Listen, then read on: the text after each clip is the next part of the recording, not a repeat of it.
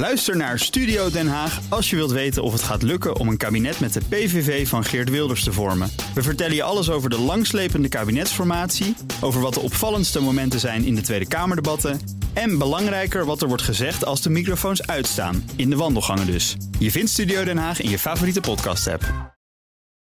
BNR Beurs wordt mede mogelijk gemaakt door Bridge Fund. Make money smile. BNR Nieuwsradio. BNR Beurs. Jelle Maasbach. Wat goed dat je de week met ons wilt beginnen. Welkom. Het is maandag 29 januari, de dag dat de olieprijs steeg. En dat komt door onrust in het Midden-Oosten. Bij een droneaanval op een Amerikaanse legerpost, Tower 22 zoals hij mooi heet, aan de Syrisch-Jordaanse grens, zijn drie Amerikaanse militairen omgekomen en er raakten er 25 gewond. De AX begon de handelsweek positief. Een winst van drie tiende van een procent. Net onder de 820 punten gesloten. Heineken de grote winnaar met 1,3 procent erbij. En om de beursdag door te nemen is winnaar Justin Blekemolen hier van Online Broker Links. Straks hebben we het natuurlijk over Philips. Dat schikt met de Amerikaanse toezichthouder. Dat kost wat, maar toch is de topman er blij mee. Het is eh, zeker kostbaar. Het is ook zeker een pijnlijke maatregel. Maar we gaan er aan voldoen. En we gaan ook ervoor zorgen dat als het gehele Philips-bedrijf... we voldoen aan de, aan de verwachtingen die we hebben neergezet in de markt. Ja, lijkt allemaal goed nieuws, maar er was toch weer een enorme tegenvaller. Je hoort het straks. Eerst het andere nieuws. En dan kijk ik even naar jou, eh, Justin. Wat viel jou uh, vandaag op? Ja, ik heb eigenlijk nieuws meegenomen wat jij net ook al eh, afspeelde. Ik wist niet dat je dat uh, ook ging We bespreken. niet afgesproken. Nee, ja, nieuws uit het Midden-Oosten inderdaad. Ja. Want uh, ja, daar lijkt de onrust toch wel steeds verder toe, toe, te nemen. Afgelopen weekend inderdaad dus drie Amerikaanse militairen omgekomen... bij die droneaanval. En ja, afgelopen vrijdag werd er ook alweer een olietanker geraakt op de Rode Zee. en wat met een opviel is dat olie nou, opende wel hoger... maar staat inmiddels ruim 1% lager. Dus het heeft nog niet echt effect daarop. Nee, maar het is toch wel weer zorgwekkend. We dachten dat het even een soort van rustig daar uh, zou zijn. En dan uh, krijgen we dit weer. Ja, zeker. En ik, en ik ben ook bang, hè, omdat al die uh, tankers nu moeten omvaren. Dat gaat natuurlijk hogere transportkosten opleveren. En als bedrijven dat gaan doorberekenen in de prijs... ja, dan kan dat ook zomaar weer de inflatie gaan aanwakkeren. En dan gaan we dat in de, misschien de volgende kwartaalcijfers... gaan we dat allemaal dan weer, weer ja, ja, wellicht. Dan naar de grootste luchtvaartmaatschappij van Europa. En dan heb ik het over Ryanair. Dat verwacht dit jaar minder winst te maken. Reden de hogere brandstofprijzen. En omdat ze vorig jaar hun prijzen hebben verlaagd. Sites zoals Booking.com gooiden Ryanair vorig jaar van hun site af. Piraten noemt Michael O'Leary ze. Zij zouden volgens hem vluchtinformatie, prijzen en andere informatie stelen en de tickets voor meer geld aanbieden aan de reiziger. En ook zouden ze allemaal verzonnen kosten doorberekenen. Nou, door het wegvallen van die ticketverkoop werd Ryanair gedwongen de prijzen te verlagen om de lege stoelen te vullen. En Ryanair deed nog wat opvallends. Ze zeggen dat ze best wat vliegtuigen willen inslaan bij Boeing. In the meantime, the Irish airline told Boeing that it would buy any MAX 10 orders dropped by the US airlines for the right price. Hm. Ja, vraag ik me af of ze daar uh, nog aan gaan komen. Het is wel uh, lekker creatief. Bussenbouwer Ebusco moet weer een omzettegenvaller melden, net als vorig jaar. In het vierde kwartaal kampten ze met leveringsproblemen... waardoor ze miljoenen euro's aan omzet misliepen. Maar ze hebben de oplossing. Er komt een extra bestuurder bij. Een co-CEO die de boel op de rit zou moeten krijgen. Zijn naam is Frank Meurs. Het is op verzoek van de huidige CEO zelf, zegt het bedrijf. En die co-CEO zal de rol dan tijdelijk vervullen... totdat Ibusco de problemen weer onder controle heeft. En hij moet ervoor zorgen dat de bussenbouwer efficiënter gaat werken. En ook kan dan de werkdruk binnen het bedrijf zo beter worden verdeeld. Maar wel creatief dat een topman dus toegeeft... ik heb er iemand bij nodig die dan uh, hem helpt. Ja, typisch. Uh, ja, ik denk dat ze gewoon wat uh, moeite hebben met de groeispurt bij ja. het bedrijf. Ja, precies. Dat, dat geven ze inderdaad ook aan. Maar toch wel, wel apart zie je niet zo vaak. Hè? Dat de CEO dan de hulp van... nee, het is wel eens eerder gebeurd bij een groot Nederlands bedrijf. Ik weet even de naam nu niet uit mijn hoofd. Maar ja, eigenlijk wel een beetje een zwaktebod natuurlijk voor de CEO. Geen nieuws over een beursbedrijf dan, maar over de economie. De Rabobank heeft onderzoek gedaan naar het Nationaal Groeifonds. En wat blijkt, elke euro die het Nationale Groeifonds investeert... levert bijna 6 euro op. Twee economen die namen alle projecten door bij dat fonds... en ze stelden vast dat er sprake is van een gigantische welvaartswinst. Je hoort Marijn Jongsma van het FD. Het punt is natuurlijk dat die welvaartswinst waar we het over hebben... Um, dat die over lange termijn is. Hè? Dus die krijg je niet meteen, maar die krijg je uh, over een aantal jaren uitgesmeerd... En de schatting die zij maken, komen ze netto, dus na aftrek van ook de kosten, of de investering zelf, komen ze iets op een bedrag van 75 miljard. Ja, politici die willen er maar wat graag uit graaien. Dat fonds wordt echt gezien als een snoeppot. Maar het lijkt handiger om hem te gebruiken voor waar het echt voor nodig is... als je dat Rabobank-rapport leest. En dat is investeringen in onderwijs, kennis en innovatie.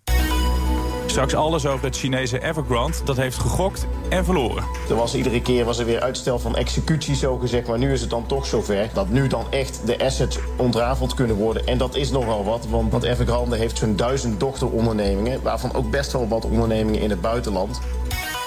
Philips raakt voorlopig de Amerikaanse markt kwijt. Vanaf nu mag het geen nieuwe apneu- en beademingsapparaten meer verkopen. Pas als ze aan een aantal voorwaarden hebben voldaan, mogen ze de apparaten weer aan Amerikanen slijten. Het is een onderdeel van de schikking met de FDA, de Amerikaanse toezichthouder, waar al heel lang aan werd gewerkt. Ik denk dat dat ook echt belangrijk nieuws is, want dat geeft duidelijkheid over hoe we voort kunnen. Al dus topman Roy Jacobs. Ja, als gevolg zijn er honderden miljoenen euro's aan extra kosten, onder meer op afschrijvingen.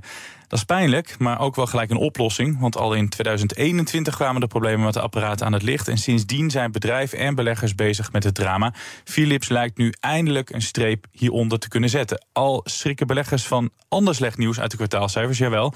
Het aantal bestellingen van apparaten neemt weer af. Ja, het zevende kwartaal op rij, Justin, dat het aantal orders bij Philips terugloopt. Hoe zorgwekkend is dat? Nou ja, dat heeft uh, natuurlijk grotendeels te maken met de orders voor uh, die slaapapparatuur. Mm -hmm.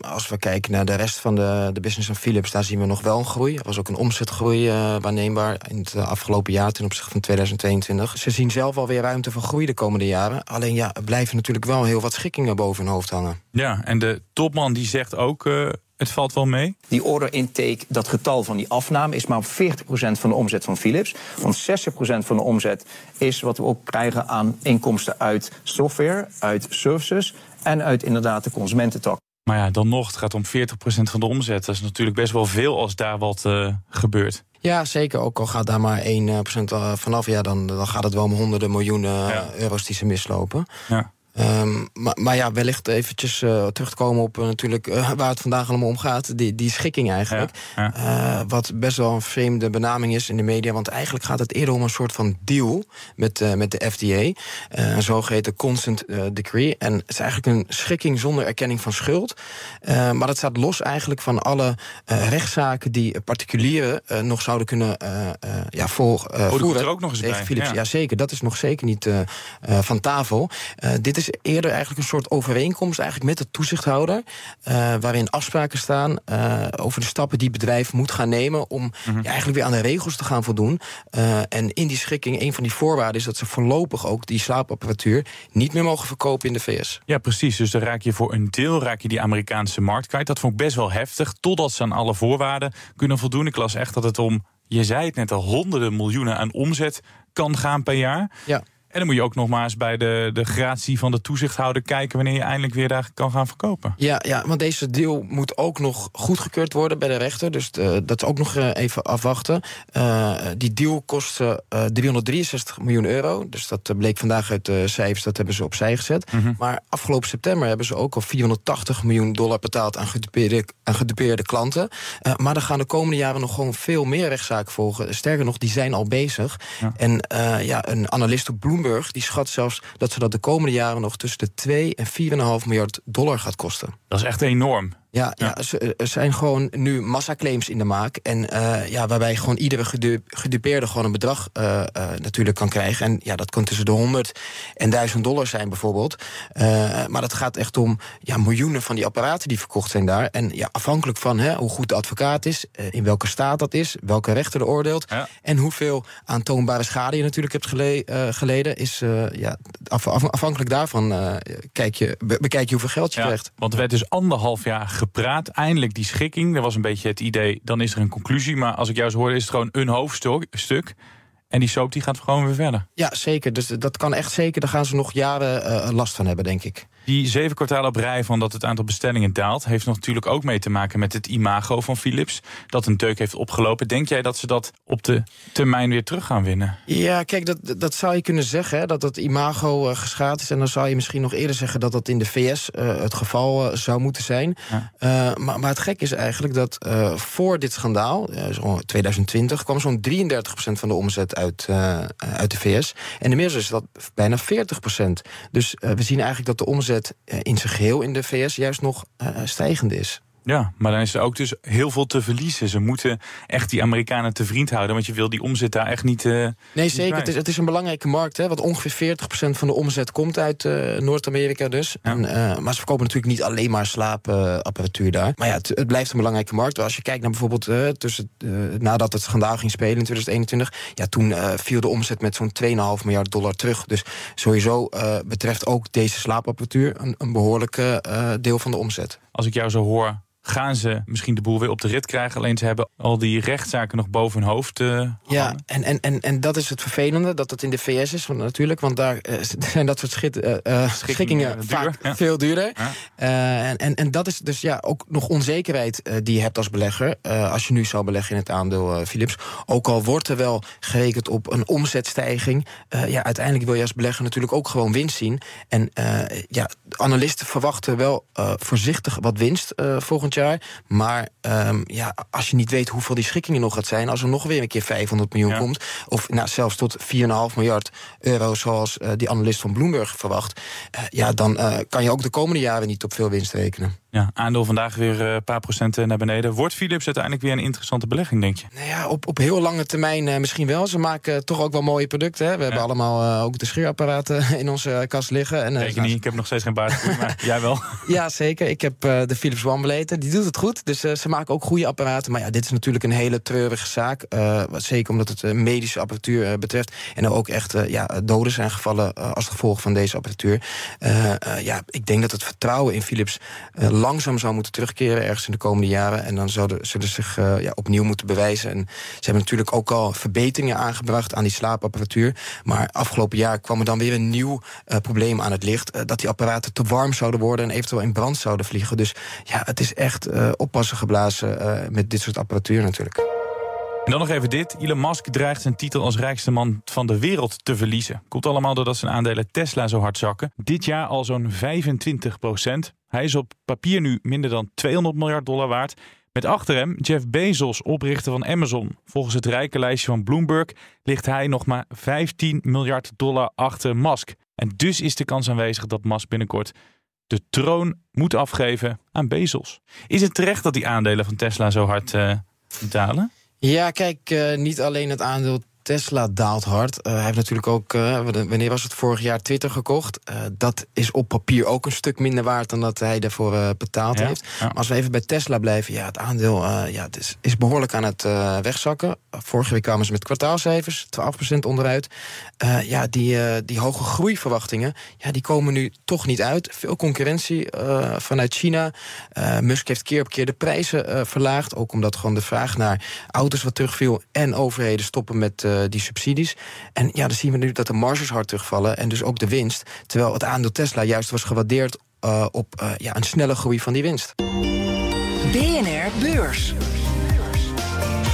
Rondje over de handelsvloer in New York dan. De Dow Jones staat onveranderd. De S&P 500 wint een tiende van een procent. De Nasdaq 0,4 procent. We beginnen met de overnamehonger van Amazon. Die is even gestild, want ze zien af van de aankoop van robotstofzuigermaker iRobot. Niet omdat ze niet meer willen, maar omdat ze niet meer mogen van Europa. Volgens Amazon is er door de blokkade van de Europese uh, mededingingsautoriteiten geen mogelijkheid om die hele deal goedgekeurd te krijgen. De EU was bang voor oneerlijke concurrentie binnen de markt van robotstofzuigers door deze overname. Ja, en ze dachten, dit gaan wij niet redden.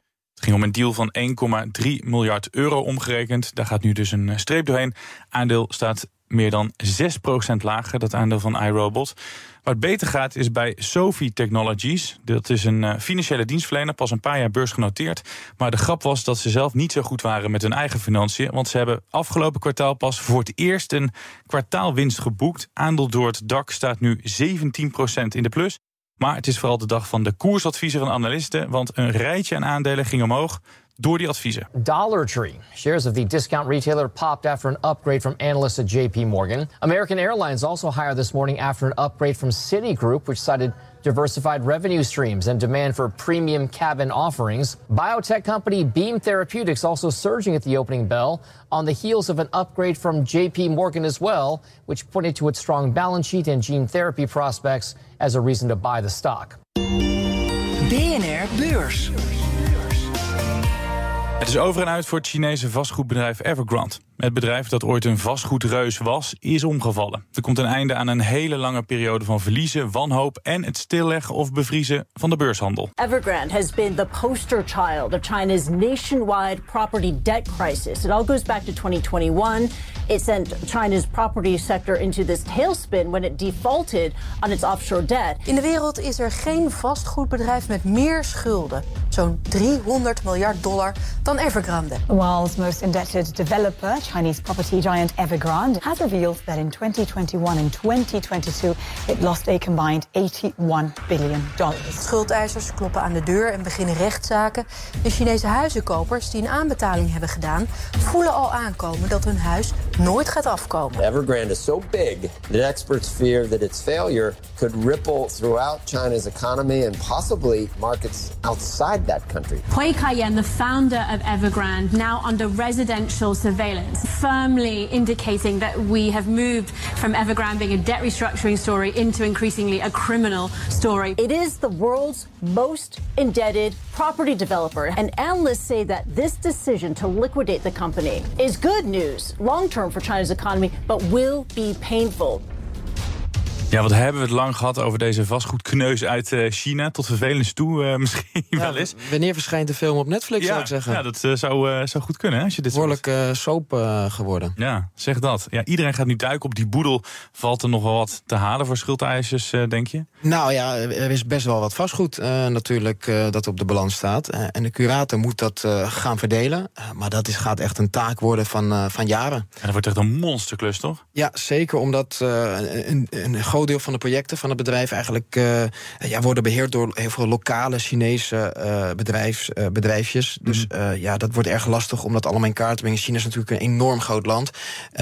wij hebben ook af en toe moeite om iemand van de gemeente Amsterdam met een gemeente in Weesp te verbinden, als het ware. Dus om helemaal aan de andere kant van het land bepaalde dingen voor elkaar te gaan krijgen, dat gaat een hele klus worden. En nu is uh, dit bedrijf niet het enige die het uh, lastig heeft... om het uh, zomaar met een understatement te betitelen. Gaan er meer omvallen? Er zijn wel een aantal namen al gevallen hè, de afgelopen jaren. En, en, die staan ook enorm onder druk op de beurs.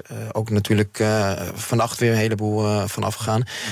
Ja, kijk, het is wel een structureel probleem geworden. Dit, dit is niet zomaar gebeurd. voornamelijk heeft het te maken eigenlijk met het beleid van de Chinese overheid.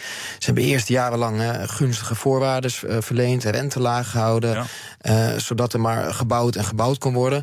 En vervolgens uh, staat de helft van die panden leeg omdat uh, niemand ze koopt. En dan, en, en dan gaat ondertussen gaat de Chinese overheid ook de touwtjes nog even wat strakker aantrekken. Ja, dan, dan ga je vragen om problemen. Ja, we hebben het vaak in BNR Beurs met verschillende mensen erover gehad. En elke keer hoor ik van, nou, die vastgoedproblemen in China... die zijn nog niet zo groot dat wij er echt hier problemen van ondervinden. Maar als ze het meer gaan omkukelen, gaan wij dat dan uiteindelijk hier merken? Nou, ik, ik, ik heb het idee dat het wel een op zichzelf staand uh, probleem is. Dus het is echt uh, de vastgoedmarkt in, in, in China die, uh, die, die, problemen ondervindt. omdat, omdat die markt gewoon niet zo nauw verbonden is met, met de westerse markt. Er zijn gewoon weinig Westerlingen die een pand zouden kopen in China. En er zijn ook relatief weinig Europese of Amerikaanse investeringsfondsen Mhm. die beleggen in Chinees vastgoed. Ja. En kan die Chinese regering het wel aan, voor zover je het ziet? Nou ja, dat is even afwachten welke stappen ze gaan nemen om, uh, om, om dit in goede banen te gaan leiden. Uh, ja, ze kunnen eventueel gaan bijspringen. Hè. Misschien uh, toch wel vanuit de overheid geld gaan bijstorten. Maar ja, het gaat om een enorm bedrag. Hè. Ja. 300 miljard dollar. Ja, dat is zeker een groot bedrag. En je zei het al, een enorme soap. Dit zou wel echt een hele mooie Netflix original kunnen worden. Vrij pijnlijk wel allemaal.